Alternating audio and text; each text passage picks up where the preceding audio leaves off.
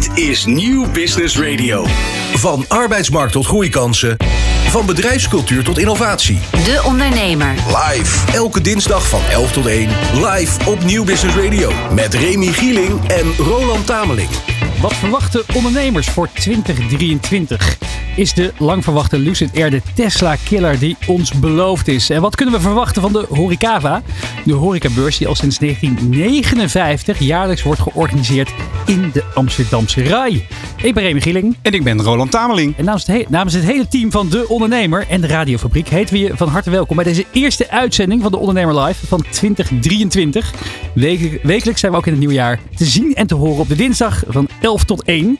Eh, ja, want Roland, we hebben het afgelopen jaar goed afgesloten. Ja, de, de oorkonde met 1 miljoen kijkers en luisteraars hangt bij mij al aan de muren in mijn kantoor. Eh, hoe is dat bij jou? Ja, ik heb hem ook. eh, ik moet er even een spijkertje vinden. Maar hij staat klaar. Hij staat klaar.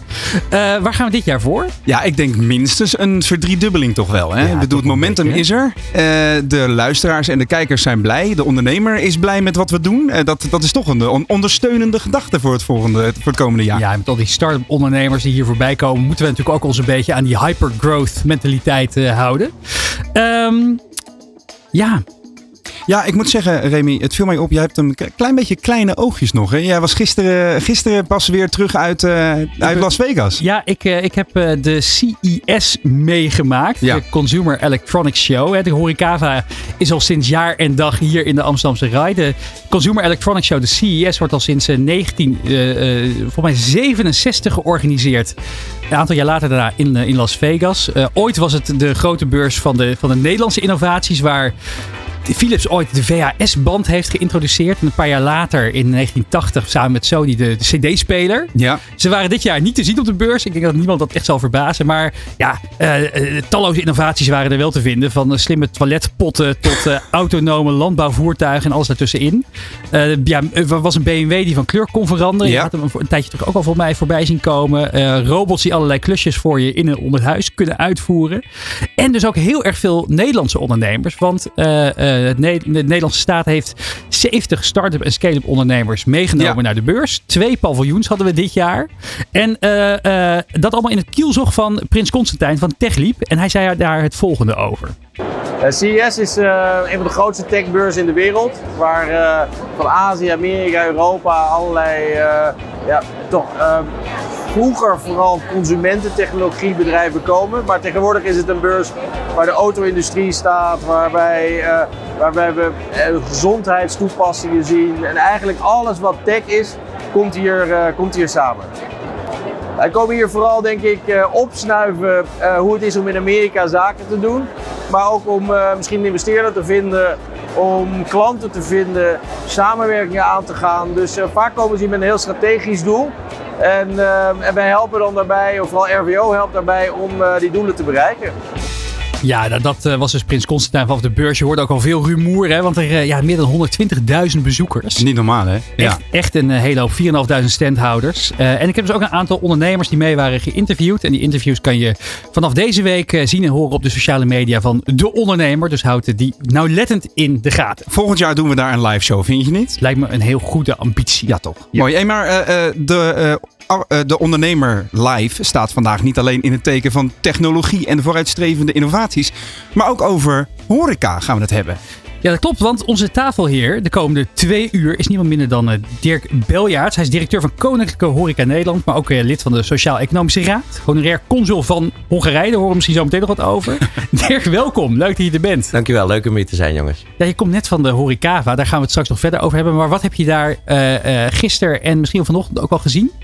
Nou ja, allereerst de, dat de ondernemers, horecaondernemers blij zijn om elkaar weer te zien. Want het is natuurlijk alweer even, even geleden. En je, je ziet dat dat gemis er gewoon was. Dus men, men, ziet elkaar weer, ontmoet elkaar weer, maakt er een uitje van in, eh, in Amsterdam.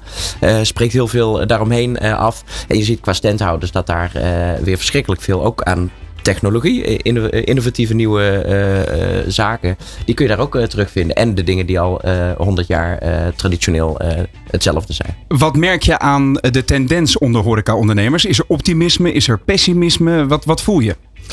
Nou, het is een beetje een, uh, beetje een mix. Als je, uh, uh, als je kijkt over het algemeen, en zeker op zo'n beurs, dan, dan ga je heen om inspiratie op te doen, om elkaar te zien. Dus er is energie, er is veel positiviteit. Ja. en er gaat, het gaat ook met heel veel ondernemers gaat het ook gewoon heel goed. Hè? Daar moeten we ook gewoon heel blij, heel blij voor zijn. Maar er zijn ook onder de huid zitten wel zorgen natuurlijk. Hè? De, de, de crisis, energie, prijzen, personeelstekort, huur, enorme huursverhogingen. Ja.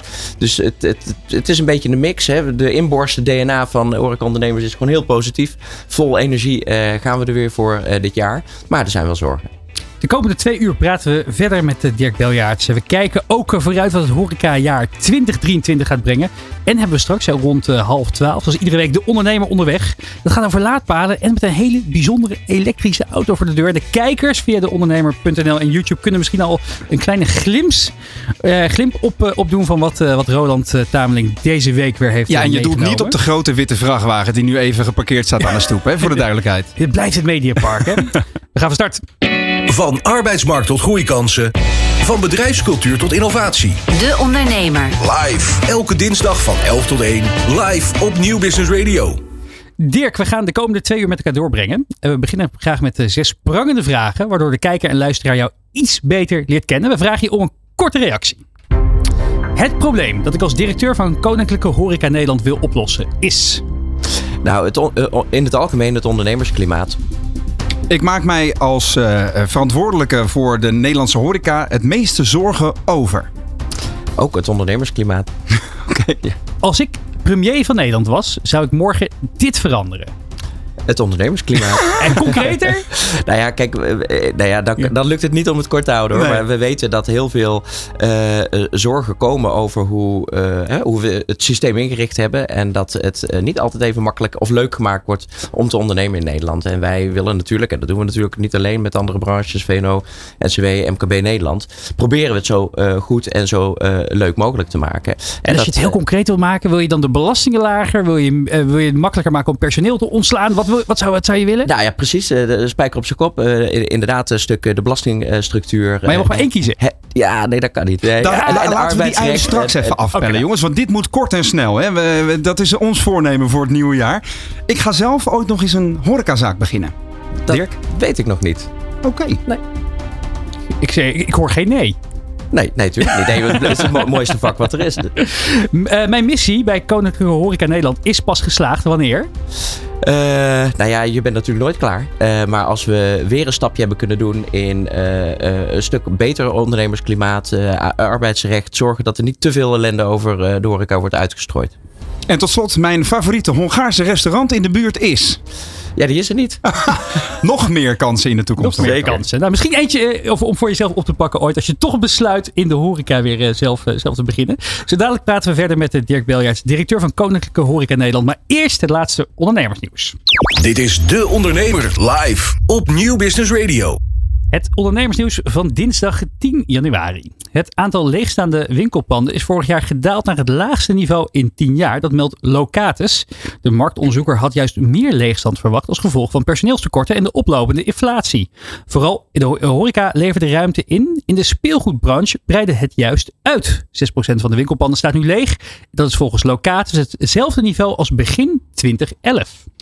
En dan werkgevers moeten dit jaar alert blijven op psychisch verzuim onder werknemers. Daartoe roept Arbo-dienstverlener Arbo-Unie op dat het aantal verzuimmeldingen uh, dat is een apart woord om te lezen, want ik sta, er lijkt hier te staan verzuimmeldingen. Het is verzuimmeldingen Meldingen. het afgelopen jaar met ruim 30% zag stijgen. Het aandeel mensen dat thuis blijft om psychiatrische of psychische problemen bleef daarbij gelijk, maar nam in absolute zin dus ook toe. Volgens Arbo-Unie leidt de schaarste op de arbeidsmarkt tot werkdruk op werknemers. Ze willen collega's niet in de steek laten op de werkvloer, maar daarnaast zouden ook de opgelopen inflatie en de energiecrisis tot zorgen leiden onder de mensen. En dan meldt het AD dat met name jongeren niet meer onder een baas willen werken. Het aantal ZZP'ers blijft groeien, zo blijkt uit cijfers van het CBS en de Kamer van Koophandel. En vooral in de zorg- en welzijnsberoepen groeit het hard, gevolgd door technische, commerciële functies en natuurlijk de ICT. Volgens het CBS is er vooral een substantiële stijging te zien in de leeftijdscategorie tussen de 25 en 40 jaar. Het aantal startende ondernemers in deze categorie ligt 11% hoger dan vorig jaar. Arbeidsmarktdeskundigen verwachten dat deze trend dit jaar zal doorzetten. En dan de laatste. Dit zal het horecahart van Dirk geraakt hebben. Want het wereldberoemde restaurant Noma in Kopenhagen gaat eind volgend jaar dicht. Het concept van haute cuisine met slopende uren en een intense werkcultuur heeft een breekpunt bereikt. Dat zegt de chef-kok en eigenaar René Redzepi tegen onder meer het AD. Maar, en dat zal Dirk dan vast wel weer goed doen, uh, Noma wordt omgetoverd tot een laboratorium. De locatie zal worden gewijd aan voedselinnovatie en de ontwikkeling van nieuwe smaken. Terwijl Noma zo nu en dan ook zal terugkeren als pop-up restaurant. Maar opmerkelijk vond ik, uh, Dirk, dat uh, de oprichter of de, de eigenaar van Noma ehm, vooral aangaf dat het onderliggende systeem in de horeca op de schop moet. Wat is jouw gevoel na dit nieuws? Nou ja, kijk, dit is niet helemaal uh, nieuw. Er zijn veel, uh, zelf, veel restaurateurs die eenzelfde soort uh, afweging maken. Ja. Maar het geeft wel aan, en dat is denk ik voor een stuk begrip heel belangrijk, dat ook het werken in een fine dining omgeving, zowel voor de koks als de eigenaren, de, de, de, de zwarte en de witte brigade, dat is hartstikke hard werken. Hè? We, we, hebben natuurlijk een soort glamoureus beeld van de sterrenzaken en nou ja, met de champagne die overvloedig vloeit. Ja. Maar het is en blijft gewoon keihard werken voor voor iedereen.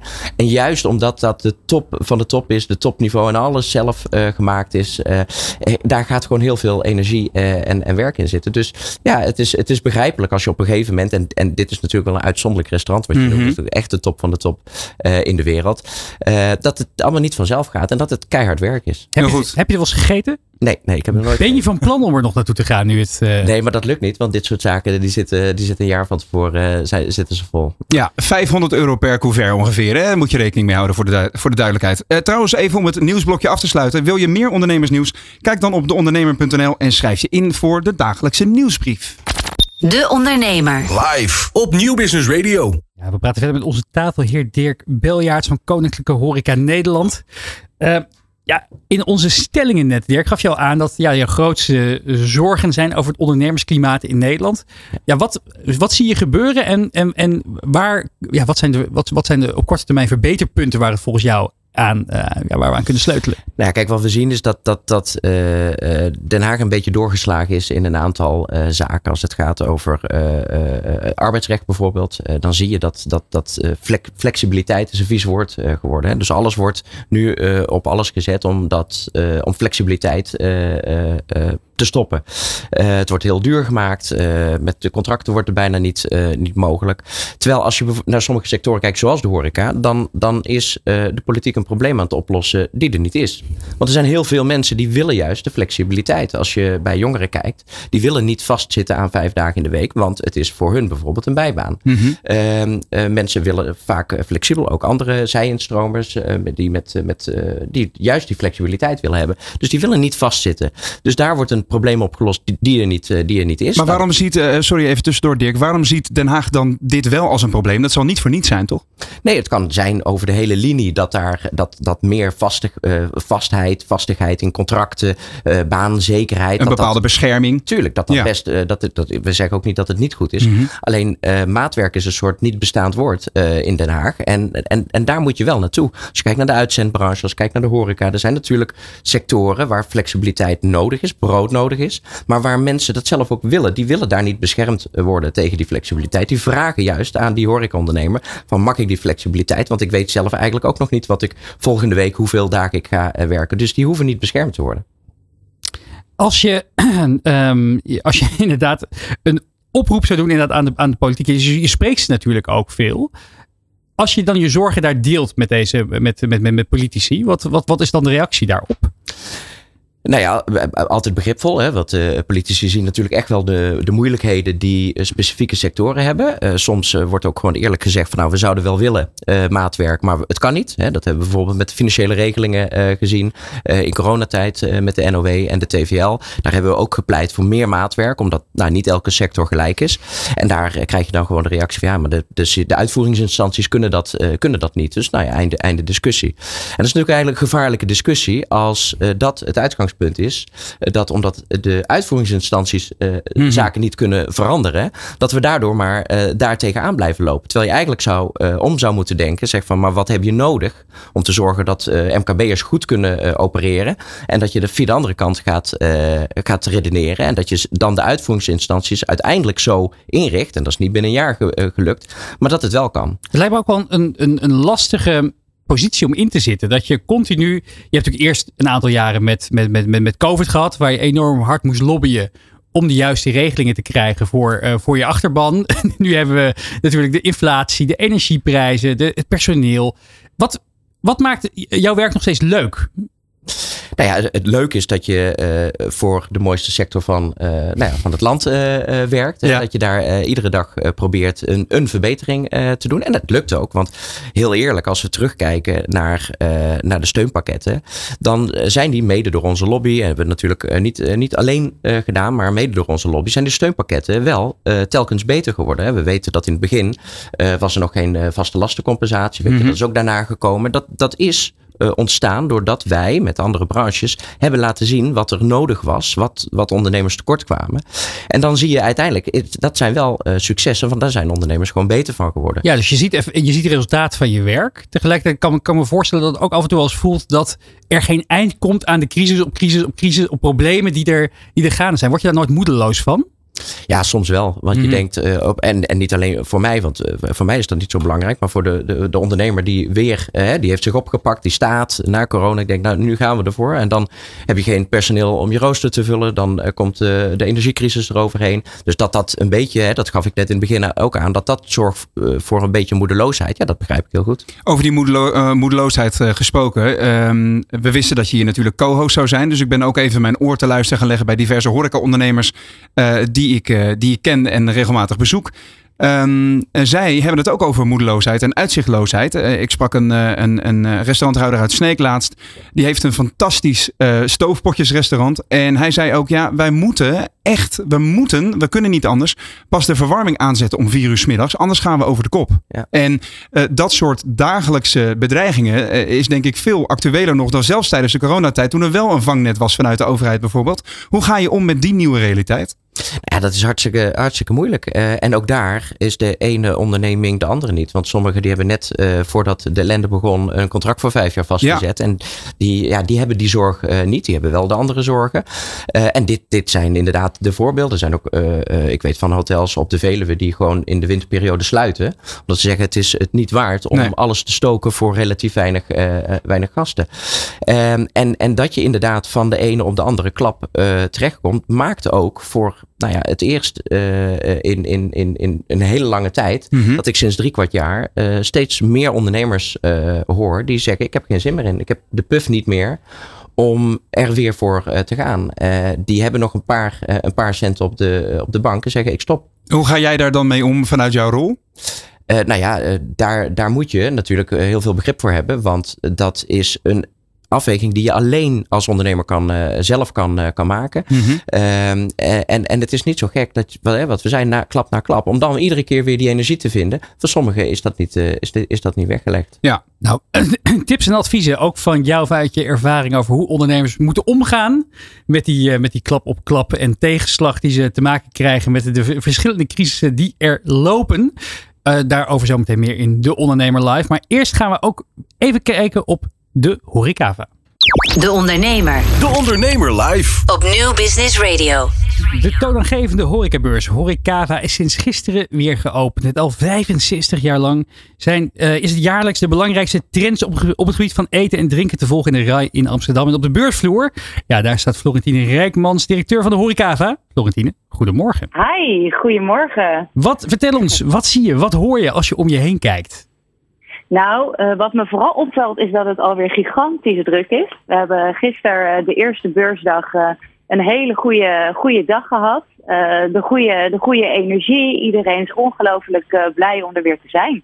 En dat is eigenlijk wat we vandaag, wat we vandaag ook weer zien. Hoeveel, het bruist. Hoeveel mensen verwacht je op, op de, de komende dagen? in zijn totaliteit van 60.000 bezoekers. Ongekend. Ongekend. Ja. Het klinkt op, ja. opmerkelijk rustig bij jou op de achtergrond, Florentine. Of sta je, ja. ben je stiekem even in een aparte ruimte gaan staan? Ja, dat is precies wat ah, ik gedaan heb. Want okay. anders vrees ik dat je me niet kunt verstaan. ja, maar wat voor sfeer proef je uh, letterlijk en figuurlijk op de, op de vloer van de Horecava dit jaar? Jeetje, wat voor sfeer proef je? Uh, je proeft uh, veel duurzaamheid. En dat zit hem in inhoudelijke thema's, maar ook in heel veel vlees, vleesvervangers. Ja. Uh, en andere, andere producten, diensten die inspelen uh, op duurzaamheid en de toekomst. Ja, wat voor trends vallen je daarnaast nog op als je kijkt naar, eh, naar, naar, naar duurzaamheid? Is, eh, We Ja. horen ook veel over, eh, op de werkvloer over natuurlijk personeel, eh, eh, ja, innovatie, maar ook tegelijkertijd misschien wel eh, eh, inclusie en diversiteit. Wat, wat, wat, welke trends vallen jou op bij de standhouders dit jaar? Nou, ik denk dat je dat eigenlijk al heel mooi zegt. Eh, als, ik, als ik zie, dus duurzaamheid is een belangrijke pijler. Personeel. Het is natuurlijk een enorme uitdaging op dit moment voor ondernemers om goed personeel te vinden, die vervolgens te binden en ze ook uiteindelijk eh, eh, voor de langere termijn te behouden. Dus daar zie je heel veel oplossingen voor. Daarnaast zie je dat op heel veel plekken ook het gesprek aangegaan wordt. Dus eh, zijn we op de juiste manier bezig? Wat kun je nou eh, doen om misschien die, die personele of potentiële personele ho- horecapool te vergroten? En dan kom je bij dat stukje inclusiviteit. Dus waar liggen de hoef- behoeftes van oudere eh, medewerkers? Kun je daar iets voor doen om die te behouden? Maar we kunnen ook kijken naar wat er mogelijk is in potentiële horeca-medewerkers eh, met een arbeidsbeperking. Dirk, vanuit Konin- Koninklijke Horeca in Nederland ben je ook eh, natuurlijk eh, veelvoudig op de beurs geweest. We hebben een aantal nou, COVID-jaren achter de rug. Maar als je even terugkijkt naar de jaren daarvoor. Hoe is de Ja. beurs anders dan andere jaren? Nou ja, wat ik mooi vind, en dat eh, weet eh, Florentien, wat ik mooi vind is dat eh, eh, een beurs die traditioneel, hè, je, hebt, eh, je, hebt, je hebt een paar muren en je hebt eh, standhouders en bezoekers, dat is heel traditioneel. Maar wat ik knap vind is dat er toch iedere keer weer eh, innovatie is op de beurs zelf. Dus met de thema's, eh, hoe Florentien en het team dat oppakken, dat je bepaalde thema's eruit ligt. maar dat, dat, dat, eh, hè, dat, dat doet Horeca dan ook heel goed. Eigenlijk gedurende het hele jaar door ondernemers meeneemt, op de hoogte houdt en met ons samenwerkt om, om, nou ja, om, om, om thema's gewoon levend te houden. Dus het is een soort van, als je binnenkomt, dan heb je een soort van herkenning van, oh ja, ik herken wel dingen die ik al in de rest van het jaar ook al voorbij heb zien komen. Maar heb je er dan eh, thema's in de, in- vooral in de vorm? Dus hoe de beurs eruit ziet. Dat is ook een vorm van hospitality natuurlijk. Of heb je het dan vooral inhoudelijk? Nee, inhoudelijk. Ja. Eh, en en eh, wat Florentien zegt over bijvoorbeeld duurzaamheid. Dat is natuurlijk niet iets wat, wat net op is komen dingen. Dat waait ook niet zomaar Nee. over. En dat als je dat een jaar lang blijft laden, wat, wat, wat ze doen. dan is het niet zo gek dat je het op de beurs weer terugziet. eh, in de vorm van eh, thema, eh, thema-items. Mhm. Maar ook van eh, de standhouders die daar met oplossingen komen. Flo- Florentine, oh ja, inderdaad, de beurs wordt al 65 jaar lang jaarlijks georganiseerd. Ongelooflijke historie heeft het. Hoe probeer je Ja. eh, eh, eigenlijk die beurs ook bij de tijd te houden en continu te vernieuwen? Wat, wat is jouw strategie op dat vlak? Nou, ik denk dat eh, een belangrijke stap is, is dat we dus buiten die vier dagen eh, fysiek per jaar ook omgegaan zijn naar het inspireren van ondernemers en het delen van kennis gedurende het hele jaar. Dus dat is denk ik een belangrijke strategie om, eh, om met de tijd mee te gaan. En verder ben ik van overtuigd dat het gewoon heel belangrijk is om met leveranciers, ondernemers in gesprek te kijken om te zien wat daar speelt. Dus uiteindelijk eh, zorgen dat de meest actuele thema's en de thema's waar eh, ondernemers behoefte aan hebben, dat die terug te zien zijn.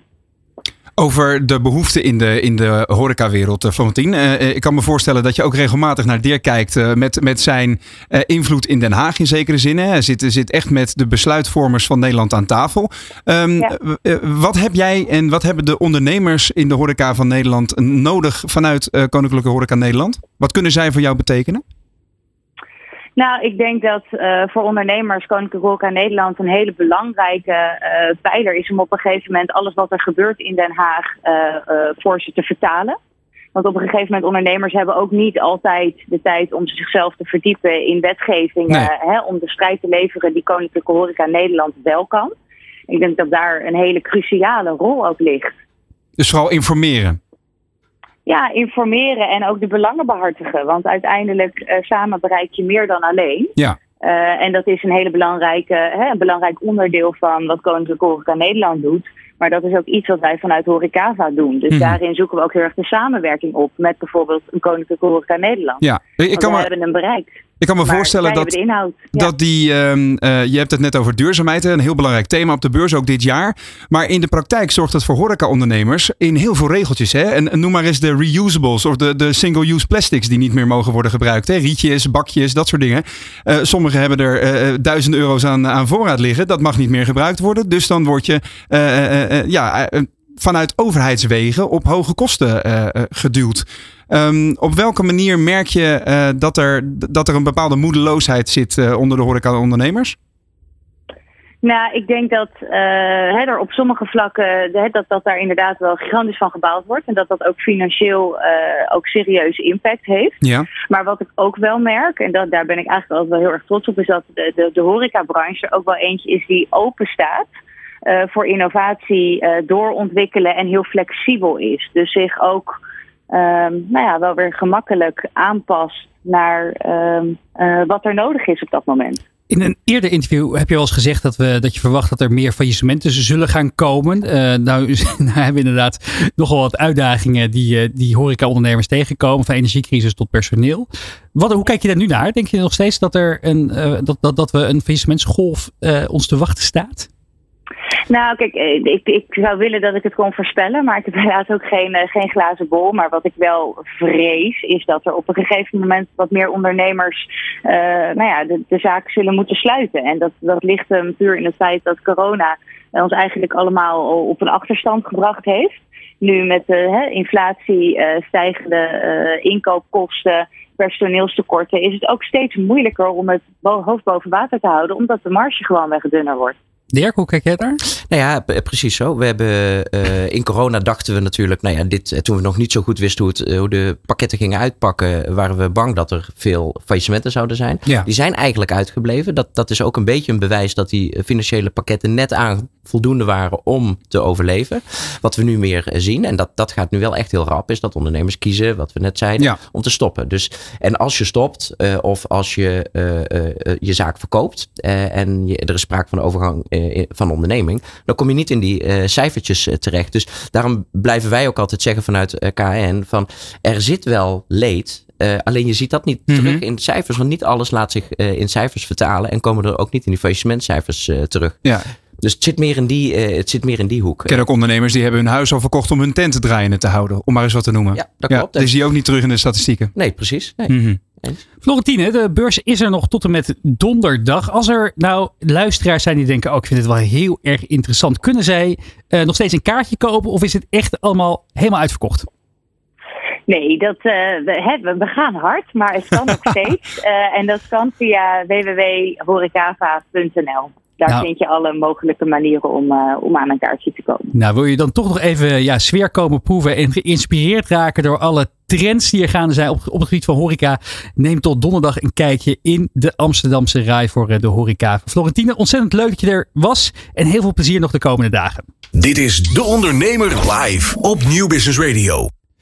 Ja, Dirk, wat, uh, uh, um, wat, wat betekent zo'n beurs nou uiteindelijk, denk je, voor horeca-ondernemers? Wat, uh, komen die daar om inspiratie op te doen? Komen ze om te netwerken? komen ze voor positiviteit? Wat, wat proef je daar als je spreekt met die ondernemers? Nou ja, ik denk dat je het prima samenvat eigenlijk. We, we, hadden gisteren ook die discussie van waar kom je eigenlijk voor? We hebben als Horeca Nederland we hebben een hele grote eigen stand waar we leden de hele dag door spreken.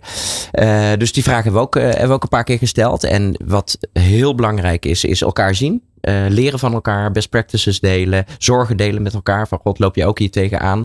Uh, daar, lopen, daar komen heel veel mensen voor. Je hebt ook veel ondernemers die, die hun team meenemen uh, en er ook een uitje van maken. Dan pakken ze een overnachting en dan zijn ze twee dagen in Amsterdam. En dan proeven ze daar ook wat, wat verschillende horeca. Want komen mensen uit het hele land komen naar Amsterdam. Dat geldt overigens uh, ook voor de andere beurzen. Hè. Je hebt uh, ook nog Gastvrij Rotterdam. En je hebt ook nog de BBB-beurs in Maastricht. Hè. Die hebben ook zo'n aantrekkende kracht waar mensen graag naartoe willen.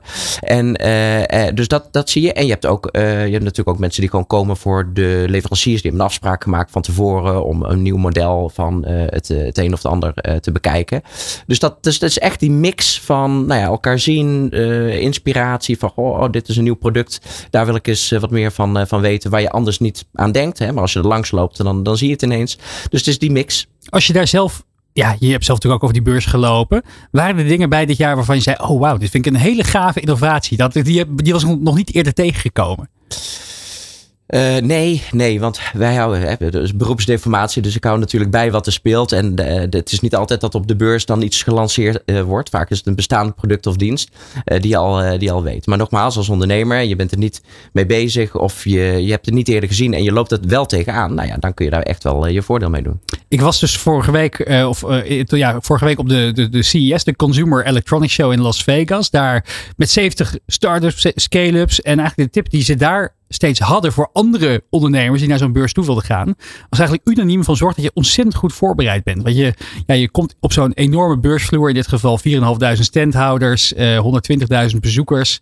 Ehm, eh, nog, ja, met 60.000 bezoekers net, ja, de, is de, is de, is de, doet de horecaven daar niet Nee, onder voor. nee, nee. Dus je moet ontzettend goed voorbereid zijn. Wil je eh, iets uit zo'n beurs kunnen halen, anders verzuip je gewoon in, in, in, in de massa. Ja. Is dat ook, denk je, voor, eh, geldt dat ook voor zo'n horecava? Ja, zeker. En, en eh, er, er is natuurlijk een, een, programma hè, met, met, met aankondigingen, awards, van alles. Hè, de Gouden Koksmuts, daar hebben jullie het ook nog over geschreven. Dus er is heel veel content. los van de standhouders die daar met hun producten staan. Dus het loont echt de moeite om gewoon goed te kijken vooraf. Van wat is er die dag dat jij wil komen. Want los van de, de producten en de diensten zijn er gewoon heel veel andere eh, leuke dingen. Er zijn netwerkbijeenkomsten. eh, eh, dus, dus er is, het, als je niet voorbereidt, dan kom je er best doorheen. Maar dan kun je ook wel eens dingen missen die je misschien van tevoren eigenlijk wel had, wel had willen meepakken. Nee, jullie jullie hebben ook zelf een stand. Daar komen mensen naar je toe. Wat voor vragen stellen zij in jullie? Ja, dat is heel divers. Ook daar hebben we veel leden die van tevoren een afspraak maken met onze regio-managers. We hebben een topteam eh, van eh, regio-managers die door het hele land eigenlijk eh, de leden collectief en, en individueel helpen. En die maken dan ook afspraken op de stand om, om daar weer met hun bij te praten. En ook al komen ze daar voor eh, de beurs, je, ziet dat daar soms hele individuele gesprekken gaan over zorg, over terrasvergunningen, over het krimpen van terrassen, gemeentes die weer gekke dingen bedenken. Om daar, daar zie je dus hele, hele eh, inhoudelijke eh, gesprekken eh, plaatsvinden. En er is natuurlijk ook gewoon het onderhoud van, van mensen die elkaar weer gewoon willen, willen zien. Dus daar- ook daar een beetje mix. Zie je ook regionale verschillen in de zorgen die er zijn? Of in waar, waar ze dingen over willen weten vanuit jullie? Ja, zeker. Eh, sommige dingen deelt iedereen. Hè? Dus er zijn dingen als energie, daar hebben we met z'n allen mee te maken. Sommige dingen zijn wat meer specifiek. De grote steden hebben andere problematiek. Het, eh, eh, de gemeenteraad in Amsterdam die heeft een, eh, een onzaligmakend plan bedacht om en nou ja, eigenlijk zo toeristen maar te weren. Hè? Met, met verhoging van toeristenbelasting en al dat soort zaken. Ja, dat is niet iets wat, wat zeg maar in, in andere provincies zo speelt. Maar in de Achterhoek heb je weer de problematiek van zuipketen en dat soort zaken. Dus sommige dingen hebben we allemaal eh, last van en sommige dingen zijn wel eh, lokaal. Dit programma wordt net zoals de transitie naar elektrisch onderweg mede mogelijk gemaakt door NKB Brandstof. De afgelopen week was ik dus op de CES in Las Vegas. En daar stonden meer automerken dan ooit met allerlei veelbelovende innovaties. Maar, Roland Tameling, jij hebt iets op de stoep staan waar al Ja, die bedrijven een voorbeeld aan kunnen nemen. Dat kun je wel stellen, ja. Want eh, deze auto Lucid, dit is de Lucid Air, die stond niet zozeer met een stand van Lucid op de CES dit jaar. Maar dit is wel een auto die op technologisch vlak, laten we zeggen, de, eh, de weg spreidt naar waar het heen gaat op het gebied van elektrische auto's. En naast de auto staat Jarno Middelbos, de Director Communications en Marketing van Lucid in Europa. Of in Nederland in ieder geval. Eh, Jarno, ehm, wat maakt op technologisch gebied deze auto zo bijzonder wat jou betreft? Doe jij de pitch even. Doe ik even de pitch. Nou, ik denk dat er een paar dingen zijn die, eh, die Lucid echt eh, onderscheidt. We hebben het eigenlijk altijd over heart en mind. Eh, enerzijds echt de emotie, eh, het hart. En anderzijds de, de ratio, eh, de mind. En wat met name de ratio denk ik heel erg beïnvloedt is onze focus op innovatie, op technologie. En eh, dat komt eigenlijk door onze roots. Die liggen in de batterijtechnologie. We waren, vroeger waren wij eh, producent van eh, batterijtechnologie. Ja. Onder andere voor Formule E, eh, waar we aan leverden. Zeg maar de elektronische Formule 1 mag je wel stellen. Exact, exact. En, en daar zijn we eigenlijk verder uit, do- uit doorgegaan. In 2016 onze eerste prototype gelanceerd van deze Lucid Air. En wat maakt hem nou echt zo uniek? Dat is denk ik enerzijds het bereik. We hebben een maximaal bereik van tot 883 kilometer eh, WLTP. Dus eh, dat zijn eh, echt harde cijfers. En daarmee echt het best op de markt wat er nu, dat er nu is. En anderzijds performance. Dus meer dan 1200 pk voor de Sapphire. Die we echt aan de hele kant, bovenkant van de, van de range hebben staan. Tot eigenlijk alles op, op vlak van software en LiDAR, radar, Ja. DreamDrive Pro, et cetera. Dus, Het is een duizelingwekkende hoeveelheid cijfers. En inderdaad goed dat je dat eh 2016 al- even noemde. Want ik hou Lucid al jarenlang in de gaten. Toen ik als redacteur van Autoweek in 2016 in Silicon Valley Valley was, had ik het privilege om al een keer mee te rijden met de oprichter van Lucid Motors, uh, Peter Rawlinson. En dat was de man die ooit aan de wieg stond van de Tesla Model S. Dat mag ik hier niet te hard zeggen, want dat is natuurlijk een concurrent uit Silicon Valley ook. Maar Peter Rawlinson, ik raad je aan om zijn Tech Talks even te kijken op YouTube. Dan zie je wat voor passie erin zit bij de mensen die deze auto gemaakt hebben. Het is super gaaf. Hij gaat op het kleinste niveau inzoomen op de motoren in deze auto, in de vernieuwingen van de batterijtechnologie, in de app die ze erachter hebben ontwikkeld en zo. En ook al heb je niets met auto's, eh, op technologisch gebied, maar ook als ondernemer, is het echt waanzinnig gaaf om te zien hoeveel passie er in zo'n merk kan zitten. Het is dus meer dan zomaar een batterij met wielen. Hè? Even plat gezegd, Jarno. Uh, als jij eens even in de auto zou willen gaan zitten, want dan kun jij even laten zien wat de Air, dat is nog even een goede nuance trouwens voor de kijker en de luisteraar. Ik hoor heel veel mensen zeggen, ja, ik heb laatst bij Lucid Air gekeken. Nee, Lucid is het merk. Dit is de Air, dat is het model. Er komt bijvoorbeeld ook een SUV aan. Dit is een grote vijfdeur sedan. Er komt een, een SUV aan die heet Gravity. Dat komt uh, later dit jaar. Wordt die onthuld, hè, Jarno? Uh, de, Gravity is vorig jaar al wat sneak peeks mogen laten zien. En we, we komen na dit jaar uh, wat meer beelden naar buiten. En, uh, en gaat die echt getoond worden aan het publiek, absoluut. Ja, super gave auto, zeven zitplaatsen enzovoort. Um, jij zit nu achter het stuur van de Lucid Air. Kun jij even aan de, met name de, de luisteraar omschrijven wat jou nu voor je ziet? Zeker. Nou, wat we hebben geprobeerd in deze auto, de naam zegt al, Lucid Air, is om juist heel erg een lichte uh, en een hele ruimtelijke ervaring te bieden voor mensen die achter het stuur zitten. Nou, enerzijds heb je dat uh, effect door de, de glass canopy, hè, door het glazen dak, wat helemaal van, van de voorzijde van de auto tot achter doorloopt. Dat geeft heel veel ruimtelijkheid. Daarnaast hebben we geprobeerd om zowel een, een, goede mix te vinden van schermen, hè, dus je hebt de infotainment, je hebt de, de besturing, de verschillende systemen zitten op verschillende schermen, maar nog steeds ook wel fysieke knoppen om, om dingen te besturen. Dus je hoeft niet op een soort ontdekkingstocht om te ontdekken hoe je eigenlijk je auto moet bedienen. Nee, exact. De focus is heel erg gelegen op uh, om alles zo, zo intuïtief mogelijk om de, om de bestuurder heen te, te, te designen. En dat is denk ik vrij goed gelukt. Uh, met die blend eigenlijk. En ja, wat zie je daarnaast? de, de besturing van, van de auto zelf. Um, dit is de Grand Touring, zoals die heet. De Lucid Air Grand Touring. heeft een bereik van tot 840 kilometer op een, op een op één lading. En ongeveer 820 pk op de wielen. Daar, dat moet wel voldoende zijn, zou ik zeggen. Als jij weer uit de auto wilt komen, dan ben ik nog even benieuwd naar de marktverovering die jullie willen gaan doen met Lucid. Want deze auto concurreert met modellen als de Mercedes EQS, hè, de, de NIO ET7. Echt wel hele fikse, grote, dure elektrische sedans. Um, maar jullie hebben nu in, in Nederland hier vlakbij een Lucid Studio geopend, hè, ook hier in Hilversum. Um, hoe ga je zorgen dat de klanten, de ondernemers die hun schaapjes op het droog hebben uh, en zo'n auto kunnen gaan uh, veroorloven, dat ze naar jullie komen en niet naar de concurrentie? Ja, nou, dat is een hele goede vraag. Uh, ja, en nu het antwoord? nou, nu het antwoord. Nou ja, kijk, een groot deel ligt inderdaad in, in hoe we de, de, markt gaan benaderen. Ja. Het product spreekt al bijna voor zichzelf. Het is echt een, een product dat op veel vlakken best in class is. Hè? Nou, ik denk dat veel, zeker ondernemers daar naar zoeken van hoe, als ik dan toch ga oriënteren op een, op een EV en zeker in dit eh, segment. Wat is dan hetgeen wat Base aanspreekt? De cijfers spreken redelijk voor zich inderdaad. Ja, maar die de cijfers blijven theorie totdat je er echt achter het stuur kruipt. Dus ik denk voor ons waar de focus heel erg op gaat liggen is zoveel mogelijk mensen achter het stuur krijgen en de kans bieden om, om de auto zelf te ervaren. Mm -hmm. uh, want ja, zeker die, die performance, de handling. Als je deze auto bestuurt op de juiste wegen, in de juiste settings, dan, dan, ja, dan bleef je echt iets unieks denk ik. En je hebt ja. zelf die ervaring gehad. Zeker, ook op dat vlak kan ik uit eigen ervaring spreken. Want in mei vorig jaar ben ik wederom in de gelukkige positie geweest om al kennis te maken met de Lucid Air in California.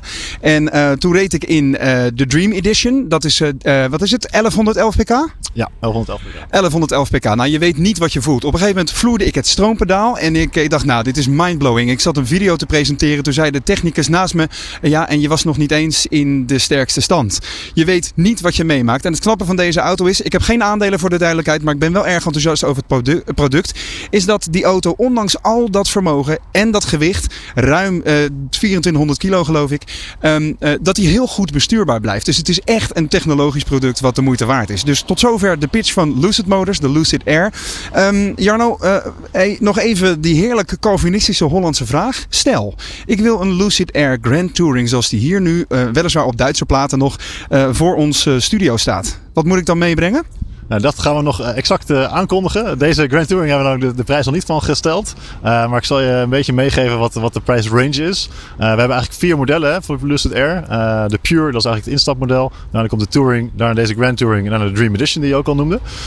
die Pure gaat rond de 100.000 euro kosten. Waarschijnlijk net iets meer dan dat in Nederland. Ja. dus dat is eigenlijk de vanafprijs. En de meest exclusieve prijs voor de Dream Edition is meer dan 220.000 euro. Dus dat is een behoorlijk gat. Maar dat heb je een, een gelimiteerde oplage met inderdaad uh, die 1111 pk en alle toeters en bellen die erop zitten. Ja. Uh, deze zal naar verwachting ergens tussen de 160 en 170.000 euro gaan kosten in Nederland.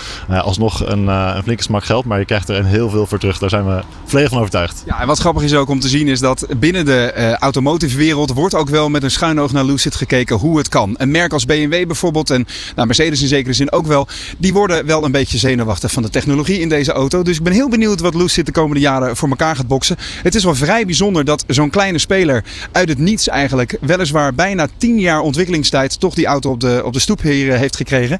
Ik ben benieuwd hoeveel we er gaan zien, Jarno. Dank je hartelijk voor je komst naar de studio hier met de Lucid Air. Super gaaf. Geen dank en bedankt voor de, het ontvangst. Mooi. Nu we hier toch staan, trouwens, staat er nog iets anders op de stoep voor de studio van de Radiofabriek tijdens de Ondernemer Live. We hebben het net gehad, uitgebreid, over deze hypermoderne elektrische auto die hier naast me staat, de Lucid Air. Een van de eerste keren dat hij leverbaar en zichtbaar is in Nederland. Super sterk, super indrukwekkend. Maar daarover zie je in het andere item dat we hier hebben gedraaid meer informatie. Want ondertussen ga ik even praten met Jochem. Want Jochem, jij, uh, jij bent uh, werkzaam bij MKB Brandstof. Hè? Uh, partner ook van deze show. Dank je wel daarvoor. Ja. En jij komt eventjes ons bijpraten over de specifieke oplossingen die jullie hebben bedacht voor zakelijke ondernemers die elektrisch rijden. Ja, zeker. Dank nou, vertel me er alles over. Dat ga ik doen. Uh, ja, voor ondernemers uh, uh, is het belangrijk dat ze gewoon gemakkelijk kunnen betalen. Dat, dat het administratief allemaal goed in orde is. Ja. zodat ze zich daar geen zorgen over hoeven te maken. En sinds kort hebben wij voor ondernemers, omdat zij steeds vaker elektrisch gaan rijden, hebben wij onze producten uitgebreid. Wij hadden altijd al een tankpas waarmee je ook kunt laden. Mm. Dat blijft ook gewoon.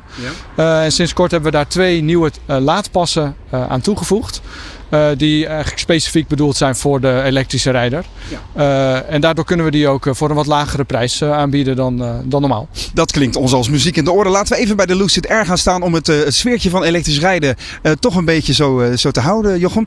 Ehm, want Inderdaad, MKB Brandstof staat bekend om die multifunctionele mobiliteitskaart, zou je het kunnen noemen. Hè? Tanken, wassen, laden, uh, motorolie halen, koelvloeistof halen bij het tankstation. Weet jij veel, dat kan allemaal met één pas. Maar er zijn steeds meer ondernemers, zoals je aangeeft, die dat niet meer nodig hebben. Die willen eigenlijk alleen maar laden. En dan heb je geen koelvloeistof, geen motorolie uh, en, en dergelijke nodig. Dus je zegt al, die pas is wat, wat uitgekleed in zekere zin. Of eigenlijk meer uh, gecondenseerd zou je het kunnen noemen. Um, maar wat kun je er nog wel mee allemaal? Ja, nou je kunt er nog steeds mee parkeren. Uh, dat is belangrijk en dat geldt natuurlijk voor iedereen. Ja. Maar exact wat je, wat je zegt, een elektrische auto heeft, uh, heeft veel minder nodig. Heeft in ieder geval geen fossiele brandstof nodig. Dus we konden het wat eenvoudiger maken en dat doen we graag uh, voor, voor onze klanten. Ja. En zoals je aangeeft, dat heeft dus prijstechnisch voordelen. En dat vinden we allemaal leuk. Ja, dat klopt. de pas is er in twee varianten. Uh, we hebben gemerkt dat uh, sommige ondernemers het fijn vinden om van tevoren precies te weten uh, waar, ze, waar ze aan toe zijn. Ja. Daar hebben we een, een laadpas met een abonnement voor. Daar betaal je eigenlijk alleen de abonnementsprijs en natuurlijk ook de kilowatturen. Mm -hmm. Daar is ook iets bijzonders mee aan de hand, maar dat vertel ik je ook, ook graag. Maar eerst nog even die andere, die andere laadpas. Ja. Uh, daar betaal je geen maandbedrag uh, voor. Die is, uh, die is zeg maar gratis. Die heb je gewoon gratis in je portemonnee zo gezegd. Exact. En dan betaal je alleen per laadbeurt een kleine vergoeding per, per laadbeurt die, die je maakt bovenop de, de kilowatturen. Ja. ja. Waarom waren die twee varianten nodig dan? Ja, we merken eigenlijk dat, dat uh, veel ondernemers daar toch graag een keuze in, uh, in uh, willen maken. En we maken het ook nog gemakkelijker dat je ook achteraf nog weer dat kan wijzigen zonder een nieuwe pas aan te vragen. Ja. Uh, dus voor... Het zit hem natuurlijk, sorry dat ik je even onderbreek, maar het zit hem natuurlijk vooral in, het, in de, de gebruiksmanieren van de gebruiker. Hè? Want ik bedoel, ik heb zelf een laadpaal thuis. Dan is het handig dat je gewoon uh, een pas hebt op het moment dat je, uh, dat je. Dan hoef ik dus minder openbaar te laden. Dus dan is het prima om een pas te hebben waarmee ik af en toe in het openbaar kan laden. En dus geen vaste maatlasten heb. Maar als ik geen eigen laadpaal heb, dan moet ik veel vaker openbaar laden. Dus dan is het fijn om geen starttarief te hebben, maar een eigen pas. Toch? Exact. Inderdaad. Eh, ja, je, je kunt het niet beter uitleggen dan dat. Wat ik er nog aan toe kan voegen is dat eh, eh, als jij thuis laat, Ja. dat doe je als ondernemer of misschien ben je werknemer, dan is het wel zo fijn dat het ook administratief goed verwerkt wordt. Dat die, die elektriciteit die je zakelijk wilt boeken, maar eigenlijk privé eigenlijk levert vanuit je huis, dat dat ook allemaal goed geregeld is. En dat, dat kunnen wij ook heel goed voor onze ondernemers verzorgen. Dus je hoeft geen kilowattuurtjes te gaan turven op je maandrekening, zeg maar. Declareren, dat soort dingen, dat hoeft bij ons allemaal niet. Wij, eh, wij hebben dat allemaal gewoon eh, admi- administratief goed, eh, goed ingeregeld. Heel fijn. Hey, en maar als ik me niet vergis, hebben we nog geen keiharde euro's genoemd, toch? Wat is het prijsverschil nou exact? Eh, de maandbijdrage voor de laadpas is 6,90 euro per maand. Eh, en eh, kies je voor de eh, laadpas waarmee je per laadbeurt betaalt, dat is 29 cent per, per laadbeurt. En als ik de zeg maar klassieke mobiliteitspas zou willen, de MKB brandstofkaart, ehm, eh, wat betaal ik dan? Dat is, dat is meer dus. Ja, die is 9,90 euro per maand. Oké. Ja. Dat is nou meedenken met ondernemers, dames en heren. Een, laten we zeggen, versimpelde of eigenlijk meer uitgekristalliseerde versie van een mobiliteitskaart voor ondernemers die specifiek elektrisch rijden. Rij je zelf al elektrisch eigenlijk? Dat is een hele gemene vraag, is, want ik weet het antwoord al. Ja, helaas eh, nog, eh, nog niet. Dat staat nog op, eh, op mijn verlanglijstje voor mijn volgende verjaardag. En dan dus ook een andere MKB brandstofpas. Jochem, dankjewel. Jochem Pauwberg van eh, eh, MKB Brandstof. Heel fijn dat je hier bent geweest. En nogmaals dank voor de ondersteuning van deze show. Graag gedaan. MKB Brandstof sponsort dit programma. Omdat veel mooie mogelijkheden voor ondernemers onderweg al gewoon bestaan. Dit is De Ondernemer live op Nieuw Business Radio. Ja, Dirk Beljaarts van Koninklijke Koninklijke Horeca Nederland. Ik moet... een hele mond vol, hè, Ja, iedere val, val je er zelf ook wel eens over. Je mag KN uitspreekt. zeggen. Ja, precies. Dat, eh, dat kunnen we misschien beter doen. We hebben, we, ja, we hebben die prachtige Lucid Air hier voor de studio staan. De elektrische auto. Tesla killer wordt ook wel gezegd. Wel, je, je bent ook een beetje automan natuurlijk. Wat, wat, hoe kijk jij hiernaar? Ja, ik vind dit prachtig. Eh, Sowieso, die ontwikkeling. Eh, eh, het enige wat, wat nu nog een beetje veel mensen in de weg zit, is de actieradius natuurlijk. Hè. Dus Ja. dat je nog niet echt de hele verre stukken kan maken. Maar als je dadelijk, als die technologie verbetert en je hebt daar profijt van. Je kan misschien dadelijk duizend kilometer op een, op een laadbeurt. Ja, dan, dan, dan, dan kan het wel echt heel snel gaan, denk ik. Hoe gaat dat voor horeca-ondernemers? Ik denk dat die met dezelfde uitdagingen zitten. Ook misschien wel tegelijkertijd wetgeving van nou, grote steden die de benzine- en dieselauto's graag willen weren. Waardoor dus het steeds aantrekkelijker wordt om misschien wel ja, je, je, je voorraad met elektrische auto's bij je zaak te krijgen. Eh, Zijn er thema's die spelen in de horecabranche? Ja, absoluut. En eh, Amsterdam is daar een voorbeeld eh, van. Hè. Die heeft daar best wel strenge regels over. Over wat, wat de, de binnenstad in mag. De andere steden natuurlijk ook. Is dat goed of zeg jij van het gaat misschien ook een beetje te snel? Nee, het is goed. Want uiteindelijk eh, met, met eh, zero, eh, zero emission i- is voor iedereen beter. Dus tuurlijk is dat goed. Je moet wel altijd de balans bewaken tussen hoe snel kan de industrie mee. Of de, de, de handel mee. Om het ook allemaal te beleveren en te bevoorraden. Eh, want nou ja, het gros van het wagenpark eh, aan vrachtwagens is nog steeds eh, diesel. Dus ja, je kan niet van de een op de andere dag de, de stad op, op slot gooien. Dus je moet daar wel voor openstaan. Dat je zegt, dit is ons ideaal, hier willen we graag naartoe. En hoe snel kan daar de markt achteraan volgen? Dat het wel een beetje reëel blijft. Wie loopt daar echt in voorop, denk je? Als je, als je een beetje kijkt naar misschien steden in Nederland, maar misschien ook wel in het buitenland. Wat, wel, welke, welke, welke overheid, wel, welke, welke gemeenten zijn nou echt heel erg ja, eh horeca-ondernemers minnend? Wie, wie, wie werkt echt altijd goed mee met jullie plannen? Ja, nou ja, er zijn er veel. Eh, Ik wil niet een, eh, een top drie, eh, top drie van Nederlandse gemeenten doen hoor. Maar je merkt dat, dat ook, ook door coronatijd, dat die banden met de horeca nog extra bevestigd zijn geweest. Want, want de burgemeesters, de wethouders, de, de BOA's, die zitten in de steden, die hebben, die hebben dagelijks contact met horecaondernemers. Die hebben ook gezien wat er gebeurt als je de horeca sluit. Hè? Wat voor ellende er dan buitenshuis en binnenshuis gebeurt. Dus, dus die band is nog eigenlijk steviger, nog beter geworden eh, door, eh, door eh, corona. Omdat we met z'n allen horeca gemist hebben. En dus ook het de realisatie dat horeca niet alleen voor vermaak is. Maar dat we ook een hele belangrijke sociaal-maatschappelijke rol hebben. Voor veiligheid op straat, voor tegen eenzaamheid, mensen betrekken. Ja, dat, dat, dat, dat besef ja, die is wel beter geworden. Dus er zijn heel veel gemeenten die daar echt over meedenken. En ook in coronatijd hebben we gezien dat heel veel gemeentes ook de terrassen hebben vergroot. Ook hebben meegedacht. Eh, dus, dus dat gaat eigenlijk voor heel eh, voor 99% van de gevallen gaat dat heel goed. Nou, naast die Lucid Air die hier stond, heeft Roland Tameling net ook gesproken met MKB Brandstof. eh, over onder meer hun laadpalenoplossing. Ja. Is, dat, is zijn die laadpalen ook voor horecaondernemers een, een, een, een, een, een, een belangrijk onderwerp? Ik kan me voorstellen dat je zeker als je niet in die binnensteden zit, maar misschien wat meer eh, in, in, het, in de rest van het land, dat, je, eh, dat er enorm veel vraag is hiervoor bij klanten om laadpalen aan te leggen. Ja, nee, eh, absoluut. En, en daar wordt ook goed, goed bij ingespeeld. Hè? Want veel horecagelegenheden die hebben, die hebben laadpalen.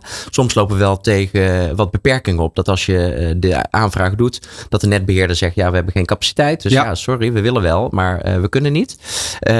Maar dat zie je zeker, ja. Nee, en daar wordt ook goed gebruik van gemaakt. Eh, en je hebt ook eh, eh, gasten die bijvoorbeeld een hotel kiezen... omdat ze een elektrische auto hebben. Absoluut. ik wil wel weten, zeker weten dat jullie laadpalen hebben. Dus Het zogenoemde destination charging, hè? Het, Ja. het bestemmingsladen, dat wil je gewoon als je ergens heen rijdt. Bijvoorbeeld, stel je gaat een, een heen en weertje Limburg met, je, met je partner en je wil daar met de volle accu weer vertrekken. Dan is het niet fijn dat jij eerst 600 meter moet lopen om naar je auto te lopen ergens in het centrum, waar die niet in het zicht staat. En dan wil je hem eigenlijk aan je accommodatie hebben. Ja, Nee, ja, absoluut. Het is ook een service die je, die je biedt, zodat je, nou ja, als je aankomt, dat je zeker weet dat je, eh, dat je vol weer, eh, weer terug kan. Ja. Ik kan me, hadden het eerder natuurlijk over eh, het ondernemersklimaat in Nederland. Ehm, ik kan me voorstellen dat het juist ook met het verlichten van de regeldruk te maken heeft. Die netbeheerder zou eigenlijk ook eh, kunnen zeggen van joh, oké, maar jullie zijn horeca, jullie hebben een, een soort voorbeeldfunctie. We moeten ook die transitie naar elektriciteit eh, eh, vlot trekken met z'n allen. We maken de regels voor ondernemingen iets, iets simpeler. Zie jij dat als een haalbare kaart? Ja, dit is wel een heel complex, complex onderwerp. Want een tijdje terug heb ik het er ook over gehad eh, hier. Dat, dat de horeca een hele groene sector is. En dat er eigenlijk eh, veel meer wil is om eh, te verduurzamen dan soms mogelijk is. En dat Mm. we daar tegenaan lopen. Twee weken geleden had ik met eh, onze voorzitter Robert Willems een heel goed gesprek met eh, minister Jette eh, over, eh, over onder andere traswarmers. Dat was de aanleiding. Ja. Ehm, en eh, toen hebben we ook eh, eh, goed kunnen uitleggen. Overigens was, eh, eh, was de minister fantastisch geïnformeerd. Maar wat er al gebeurt in de, eh, in de horeca. Dus daar wordt heel veel gedaan. En eh, waar we ook tegenaan lopen eh, als, als horecaondernemers. Mhm. Dus inderdaad, eh, je wil van eh, het gas af. Je wil koken op inductie. Maar daar heb je echt serieuze eh, professionele aansluitingen voor nodig. En heel veel ondernemers krijgen dan nee van de netbeheerders. Die zeggen nee, we hebben geen capaciteit. Ja. Ehm, wat we ook zien, bijvoorbeeld zonnepanelen of warmteboilers, Mhm. die, waarvan gemeenten zeggen, ja, maar ja, dat, dat ziet er niet mooi uit, welstandscommissie. Of erger nog, dat is een beschermd stadsgezicht. Stadsgezicht, ja. En ja, dan helaas. Dus, dus hè, daar moeten we samen naar kijken. En daar was dat gesprek voor. Want dat was een fantastisch gesprek waar we, waar we het hebben gehad over informeren. Over ook kijken daar waar ondernemers tegen obstakels eh, te- lopen. Van hoe Mhm. kunnen we dat oplossen? Want daar ligt natuurlijk ook gewoon wel eh, eh, een taak weggelegd in, in Den Haag. En ook informeren, ook over subsidies en mogelijkheden en dat soort dingen. Dus dat was een heel goed gesprek. Nu heeft Tesla natuurlijk een slimme zet gedaan door hun, hun snellaadnetwerk uit te rollen. Onder meer bij de, bij, bij de Van de Valk formule. Kan je, ehm, is er al duidelijk zeg maar wat voor profijt dat kan opleveren voor horeca-ondernemers? Als je dit, eh, als je, als je dit dus aanbiedt aan je klanten. Heb je dat kunnen, heb, kan je dat doorrekenen? Nou, ik weet niet of je het door kan rekenen. Misschien, eh, misschien eh, op den duur wel. Maar eh, nou, het voorbeeld van het hotel Ja. hebben we gehad. Hè, dat als je daar een hele nacht kan laden, dan weet je dat je vandaar weer, weer verder kan. Hè. Dus die zekerheid, daar wordt wel voor, voor gezorgd. Ja. Maar bijvoorbeeld ook als je weet dat, dat er zo'n enorme batterij aan laadpalen staan. Die, er zijn natuurlijk ook mensen die daar dan gaan laden, snel laden. Naar binnen gaan, lunchen, kopje koffie. in plaats van dat ze denken, ja, sta ik langs de snelweg eh, 20 minuten niks te doen. Mhm. Met slechte koffie, eh, bij wijze van spreken. Eh, of ik ga eh, in een horecazaak waar het lekker warm, goede koffie. Of, of, of als je wat meer tijd hebt, dat je nog een lunch eraan koppelt. Dus dat, dat, kun je, dat zou je wel terug, terug moeten kunnen zien. Interessante innovatie op dat vlak is ook dat je nu NIO, eh, nog een nieuwe speler op de elektrische automarkt, die, die hebben accuwisselstations. Hè. Daar hebben we het eerder ook al eh, over gehad in een item hier, eh, hier voor de studio. En zij openen nu ook accuwisselstations bij Van der Valk exclusief hotels, om die eh, meteen om dat, dat koffiemoment te pakken eigenlijk. Ja, dus eh, eh, zit de kracht dan ook in meer samenwerkingen zoeken? Ja, absoluut. Uh, sowieso zou het natuurlijk veel makkelijker zijn als we de accu's hebben die duizend kilometer uh, aan kunnen of binnen vijf minuten opgeladen ja. zijn. Hè? Dat, ja. En dat, dat, dat weet jij beter dan ik, maar dat, dat komt er echt nog wel aan waarschijnlijk. We zitten al dichterbij dan je denkt. Ja, nou ja, nou ja. En, maar Mits je het geld hebt. Nou ja, precies. Ja, met dit soort auto's. ja. ja. Maar met, maar, maar, uiteraard dit soort samenwerkingen. En dat is gewoon ook heel slim, om, heel slim om te doen, om die, om die partnership op die manier op te zoeken. Het is ook een beetje vooral beeldvorming, toch? Laten we eerlijk zijn. Ik bedoel, ja, je, je trekt er af en toe wat meer, uh, wat meer uh, omzet uit, maar heel significant op een jaar omzet zal het niet zijn, denk ik, of wel? Nee, ja, maar het wordt, uh, het wordt dadelijk gewoon uh, uh, gebruik. Hè. Het is nu een soort van, als je het niet hebt, dan, nou ja, even afhankelijk van type horecazaak, dan, dan wordt het als gek ervaren. Mm -hmm. en over een tijdje, dan kun je niet meer zonder. Als ja. je het dan niet hebt, dan, nou, dan, dan speel je niet meer mee. dus nee, dus, dus meer dan logisch. Dus ik, het is niet voor de show. Kan, kunnen andere ondernemers ook hè, veel uh, hoe heet dat, inspiratie halen uit die keuze die Van der Valk heeft gemaakt om zo'n partnership aan te gaan met zo'n grote uh, speler? Of is dat echt alleen maar voor de happy few horeca-ondernemers weggelegd? Nee, zeker niet. Nee, want die, dit soort partnerships die zien we, die zien we uh, elke dag voorbij komen. Van der Valk is daar natuurlijk heel, heel, heel goed, heel professioneel in. Maar partnerships klein, groot, ja, die worden elke dag, worden elke dag gemaakt door ondernemers door het land. Zo dadelijk in de Ondernemer Live praten we verder over ja, het horeca met Dirk Beljaard. Beljaarts, maar ook met uh, Rem, Ricardo Eshuis van SVH. Uh, dat is uh, de stichting Vakbekwaamheid Horeca. En neemt de expert Job van den Berg ons mee in de data en horeca. En natuurlijk sluiten we af met de radiocolumn van Nico Dijkshoorn. Mis het niet. Tot zometeen. De Ondernemer. De Ondernemer live. Op Nieuw Business Radio.